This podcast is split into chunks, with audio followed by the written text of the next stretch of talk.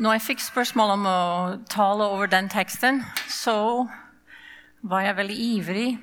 Jeg gleder meg til å bruke ganske mye tid i teksten i evangeliene. Og så uh, lærer jeg mye i forberedelsene. Hva sa du? Har det for mye uh, Ok, jeg tror, jeg tror det går bra.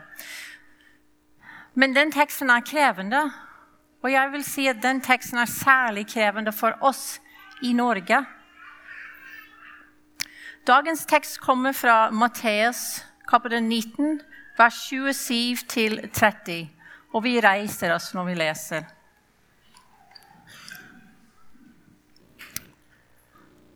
Da tok Peter til orde og sa, 'Hva med oss?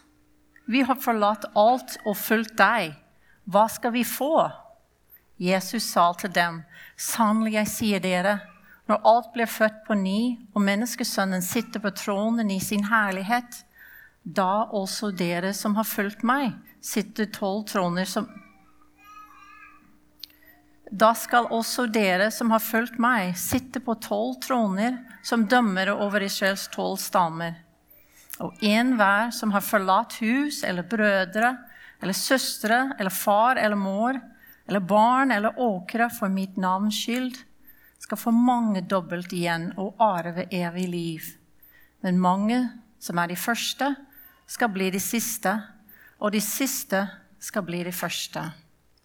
Dette er Herrens ord. Vær så god, sitt, da.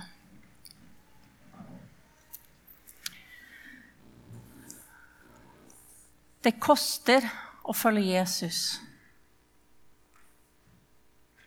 Det koster å følge Jesus.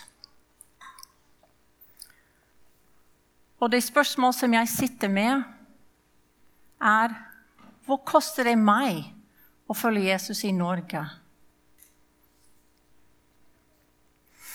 Når Jesus kalte disiplene sine, kalte han dem til en dobbelt oppgave.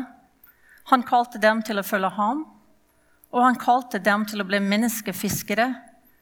Dvs. Si til å lære andre å følge Jesus.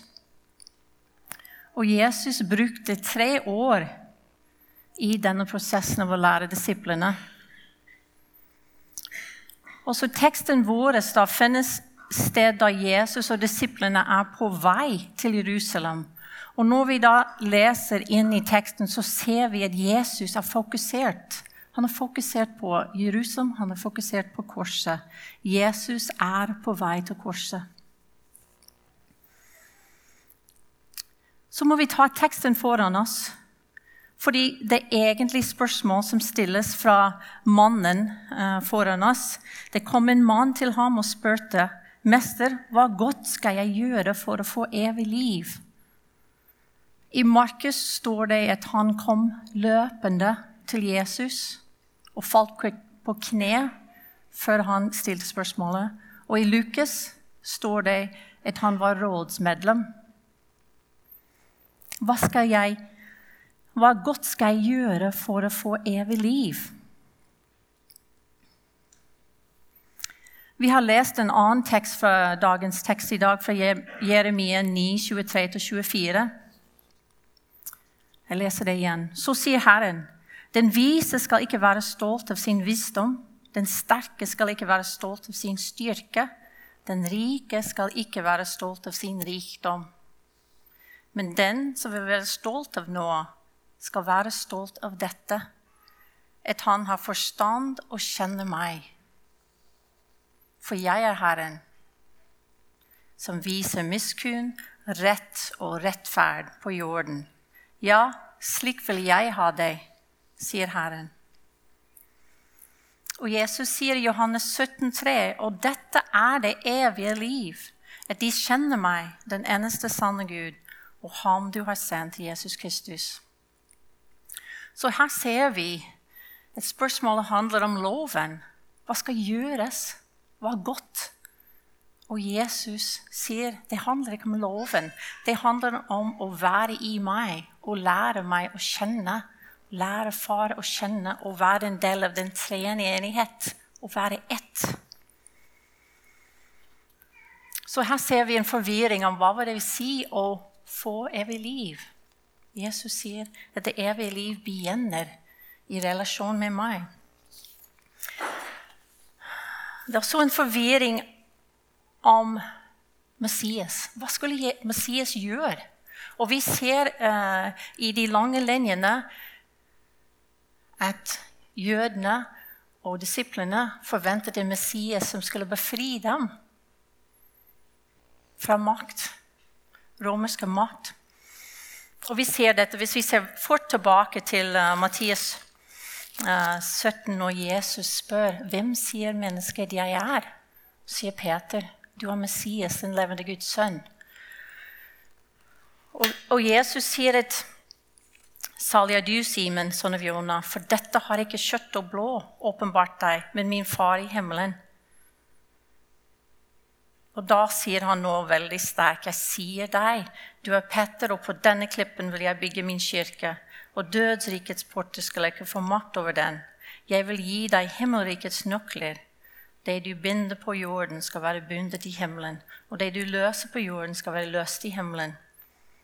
Det er ikke lett for oss å forstå, men Jesus går mot å lære disipler hva det vil si å være disipler, hva det vil si å være menneskefiskere. Og Rett etter det så begynner Jesus å forklare at han skal dø. Og vi ser det er ikke lett å være en disippel. Og det er ikke lett å lære disiplene. fordi hver gang Jesus begynner å snakke om sin død, så begynner disiplene å krangle om hvem er det største. Og det er nettopp der jeg identifiserer meg mest. Og ønsker å være størst. Og ønsker å, å få en stor plass. Og bak teksten Jesus taler igjen om sin død. Jesus taler for tredje gang om sin døde oppstandelse fra Matteus 20, vers 17. Og så hva skjer da? Vi må bare le. Fordi det er ikke bare disiplene, men til og med en mor kommer og så spør hva kan vi gjøre for at sønnen min kan sitte ved din side av ditt rike. Så jeg tror vi må kjenne i oss at det ligger i oss et ønske om å være størst. Men Jesus viser gang på gang å være størst er å kjenne og gi sitt liv. Og hvis vi kan få tak i disse to ting og bli funnet i Jesus og, og gi våre liv i tjeneste til Gud og bli funnet i ham, da tror jeg vi har funnet nøkkelen til, uh, til teksten. Vi hadde besøk av en mann fra Libanon forrige uke. Martin Akad heter han. Han har vokst opp som minoritetskristne i et muslimsk land i Libanon. Han var veldig inspirerende, fordi han sa til oss det er bare bra når dere endelig opplever at du er en minoritet. Kristendom blir en minoritet, fordi da begynner du virkelig å bli salt og lys. Så han brukte disse Eh, begrepene av hva er Guds, li, Guds rike lik.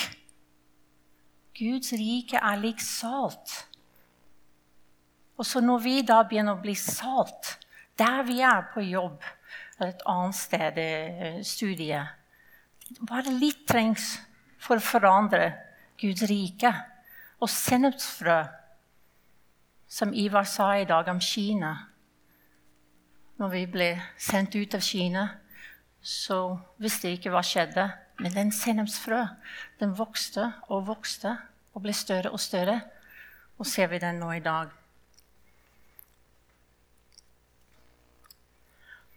Som jeg sa, det er ikke, det er ikke lett for oss her i Norge.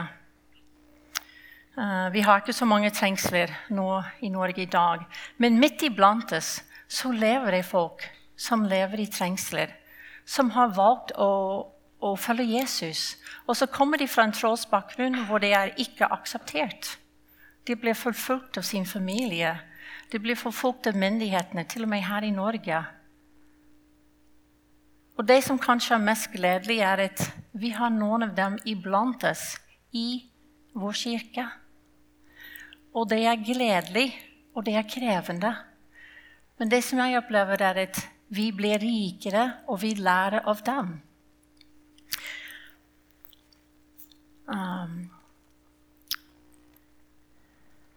jeg satt i et um, rettssalen uh, noen måneder siden. Og Jesus har sagt til oss du trenger ikke å bry deg om hva du skal si. Og det opplevde jeg så sterk.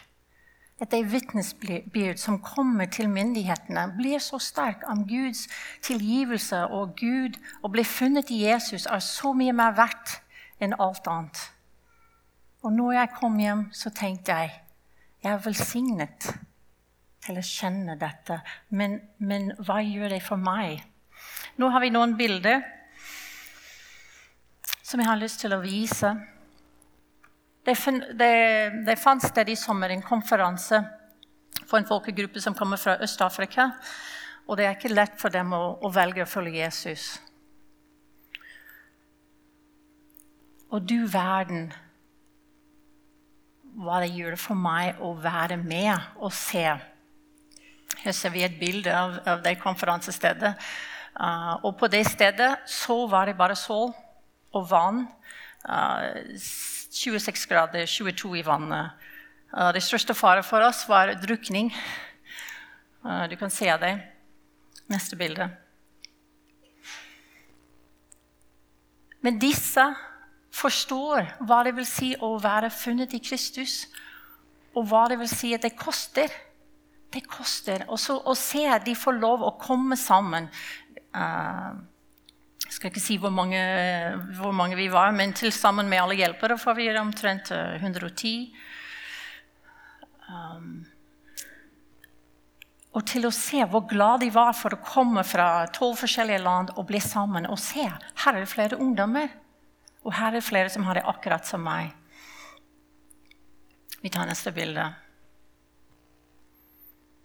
Og det som er gledelig, er at vi ser at tallet stiger over verden. Og det som jeg kunne ha ønsket på den konferansen, jeg kunne ha ønsket at de som er ledere, ville slutte å tale så mye gjennom uh, sosiale medier. For det er mange som ønsker å komme til å tro på Jesus, men hvem skal følge dem opp? Og jeg ønsker orden og stokkskjør. Men jeg kjente på den konferansen nei. Vi skal følge opp. Hver eneste som går til å se, så skal vi følge opp med en bibel og en gruppe. Uh, og dette skal vi følge med. Neste bilde. Evangelisering. Det hører til. Og jeg vet ikke hva du tenker om gateevangelisering, men dette skulle få skje. Så i det stedet uh, som det skjedde da, så var det ganske mye logistikk til å få det til å skje. Og dette er en gruppe som du Det er farlig å evangelisere. Så vi brukte en del kort tid. Så hadde vi en veldig, veldig sånn um, uh, detaljert plan om hvordan vi skulle gjøre det. Så de gikk ut i gruppen med fire eller fem, og jeg var med i en av disse gruppene. Og hva gjorde de? De fortalte om Jesus, i Samasia.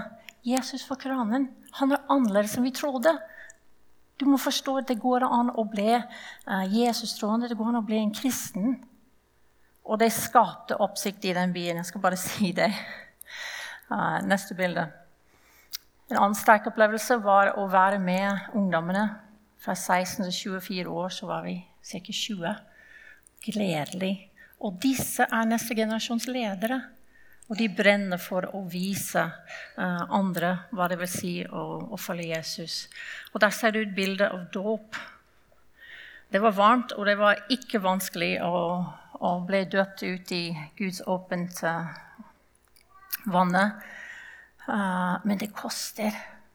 Det koster. Og på kvelden så ga vedkommende et vitnesbyrd. Og denne folkegruppen er så poetisk. Og så den eh, personen hadde laget sånn poesi. Og, og, jeg kan ikke det språket, og det ble tolket til, uh, til, norsk. Og det var ikke så veldig poetisk. Så det ga meg et skikkelig sterkt ønske. Kom igjen, la oss lære språkene for de folkene som vi jobber med. Det var de bildene. Så til slutt har jeg lyst til å lese siste tekst fra i dag. Filipperne 3, 7-14. Men det som før var en vending for meg, det regner jeg nå for Kristi skyld som tap. Jeg regner alt som tap fordi det å kjenne Kristus Jesus, min Herre, er så mye mer verdt. For Hans skyld har jeg tapt alt, og alt jeg har tapt, regner jeg som verdiløst skrap.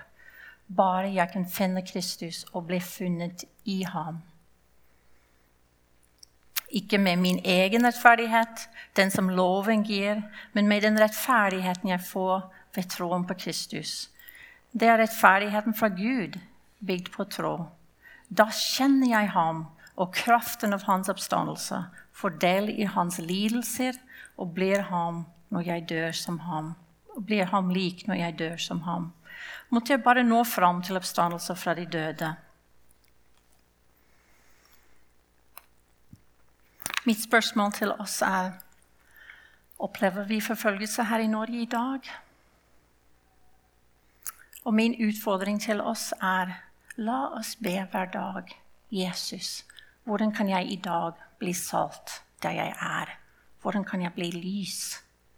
Og Jesus sier til oss du er verdens lys. Så la lyset ditt uh, skinne.